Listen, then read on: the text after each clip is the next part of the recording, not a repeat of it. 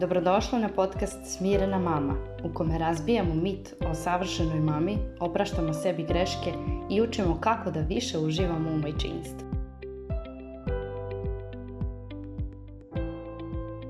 Kada sam bila mala, kaže mi mama da ja nisam imala tantrome, da se nisam nikad tako bacala na pod, da nisam vrištala, burno reagovala. Bila sam dosta mirno i tiho i povučeno dete, u tom ranom uzrastu, dakle ajde kažemo prvih 6-7 godina. O tome sam više pričala u epizodi 9, samo želim da prestane da kenjka. Izvukla sam iz, iz iskustva ličnog i profesionalnog dva razloga zašto de, neka deca nemaju tantrume. I kada kada mi je neko kaže moje dete nema te tantrume ili moje dete nije nikad imalo tantrume, ono što sam shvatila iz toga koliko poznajem i porodicu i iz razgovora i iz nekih uvida koje dobijem, ako dete nije nikad imalo tantrume, to znači dve stvari. Prvo je da ne stigne ni da ih ima, jer mu se ispunjavaju sve želje pre nego što dođe do burne emocionalne reakcije. A drugo, ne sme ne sme ni da zine jer zna da mu je zabranjeno i da će se loše provesti ako plače. Ja ću u ovoj epizodi pričati o ovoj, e, ovom prvom razlogu. U narednoj e, ću obraditi ovo drugo.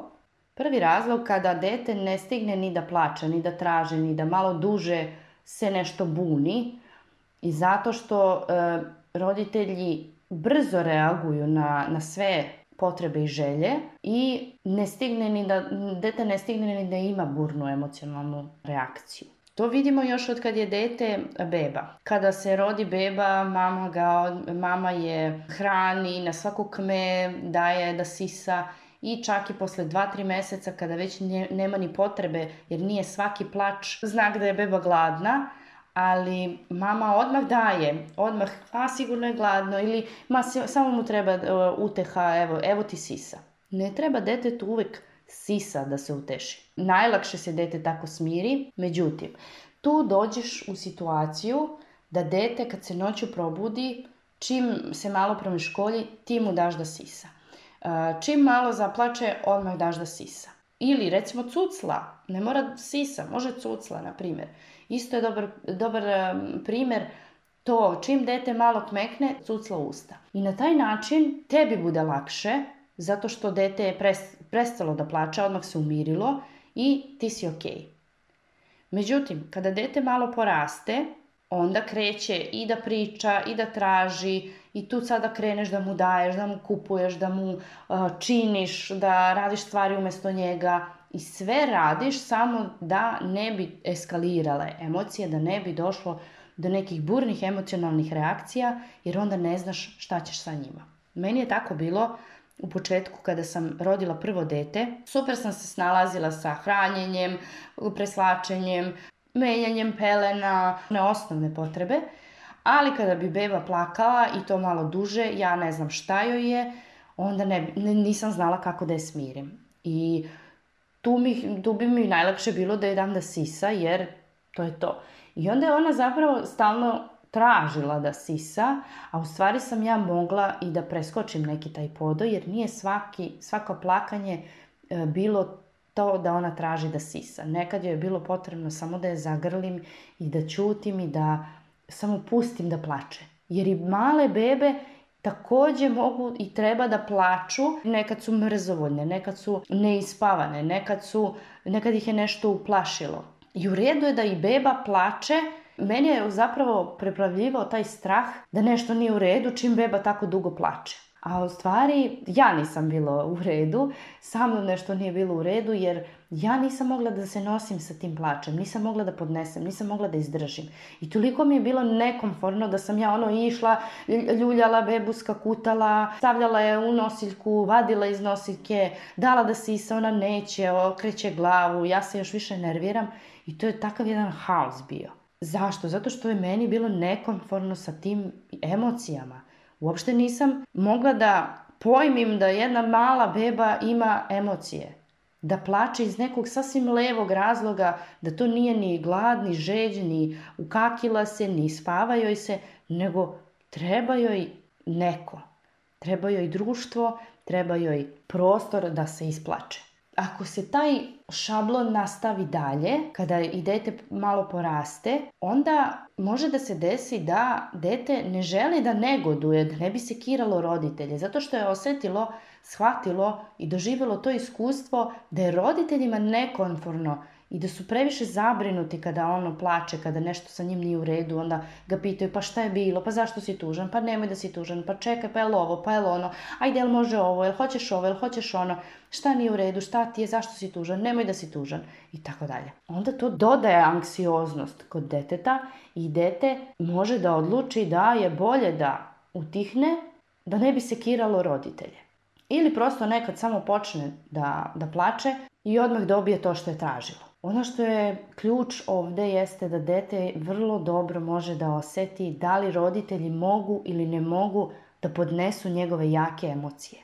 I onda, u zavisnosti od temperamenta deteta, to ne znači da će uvijek biti slučaj, može dete da bude naprotiv, da baš bude buntovno i da se stalno buni, da stalno pokušava da, da da roditeljima do znanja da mu je potrebno nešto drugo od onoga što oni njemu daju ali može ako je povučenije, ako je takvog temperamenta da potiskuje emocije, da zadrži za sebe, da guši samo da bi roditelji bili srećni i da bi porodica bila srećna. Jer dete zna na dubokom nesvesnom nivou, želi da mu porodica bude srećna. I kada osjeti, kada primeti šta roditelji usrećuje, želi što više toga da radi, a kada vidi da roditelje nešto ne usrećuje, da ih zapravo unesrećuje, onda će to izbjegavati. Kažem, ovo zavisi od temperamenta, ne mora da znači.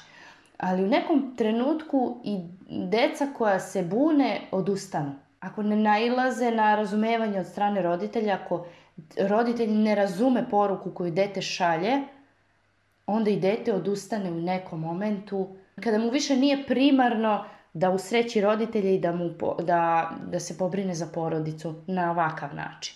Dešava se jedna zaista tužna stvar, a to je da će dete pre da se odrekne dela sebe, da bi se dopalo roditelju, da bi porodica bude srećna, nego što će se izboriti za sebe. Jer ono tek uči ko sam ja u ovom svetu. Šta se od mene očekuje?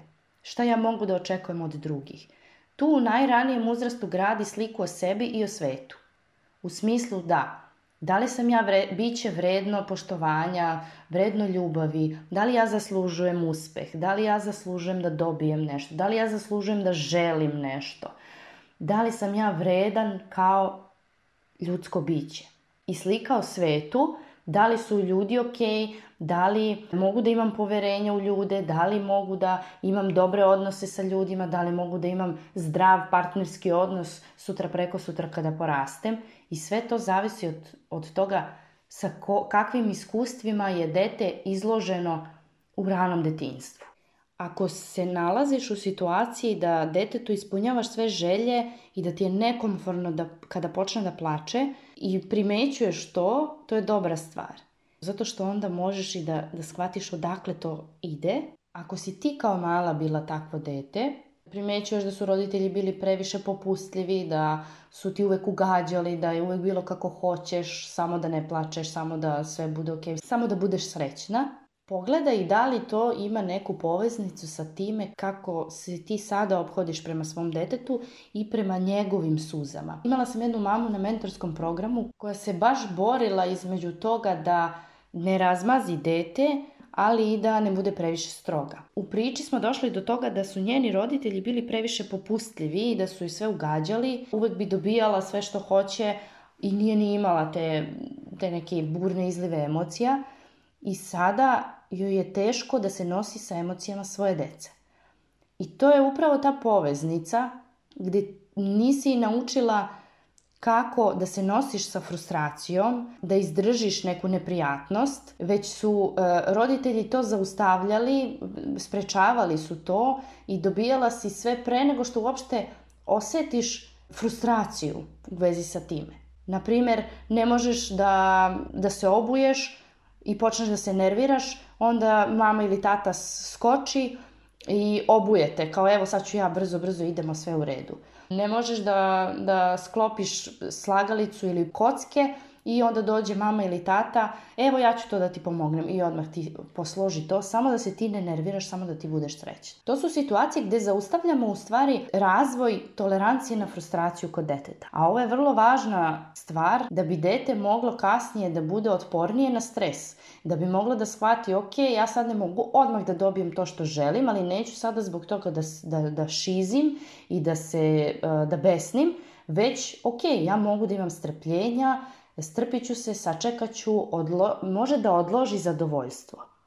A ako je dete odrastalo sa, sa time da odmah dobije sve što traži, bez uopšte mogućnosti da, da sačeka malo, da, da se malo strpi, onda će očekivati sve odmah i sada. I ako se to ne dešava odmah i sada, eh, onda je ogromna frustracija. I onda isto tako u odnosu sa svojom decom ne zna šta će sa tim emocijama koje se javljaju zato što nije dobijalo taj input od svojih roditelja.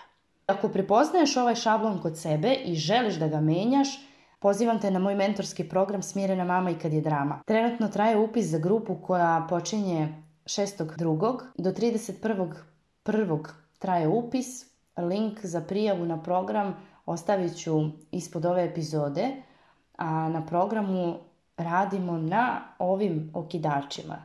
Ako shvataš da ti sada to ne funkcioniše i da ne želiš na taj način da pristupaš tantrumima deteta i emocijama koje se javljaju, već želiš da menjaš, onda si dobrodošla na program da na tome radimo dva meseca, da shvatiš zašto tako burno reaguješ i e, da u odnosu na svoje dete, na njegov temperament i na tvoj temperament da nađeš neki način kako možeš da promeniš pristup i da onda dobiješ rezultate kakve želiš. Ako su to rezultati da neguješ odnos sa detetom, da razvijaš kod njega emocionalnu inteligenciju, da mu pomogneš da razvije samoregulaciju i da radiš i na svojoj samoregulaciji, da i kod sebe to razviješ, onda je mentorski program za tebe. Ako ti se svidjela ova epizoda, pretplati se na moj kanal da ne propustiš sljedeću epizodu.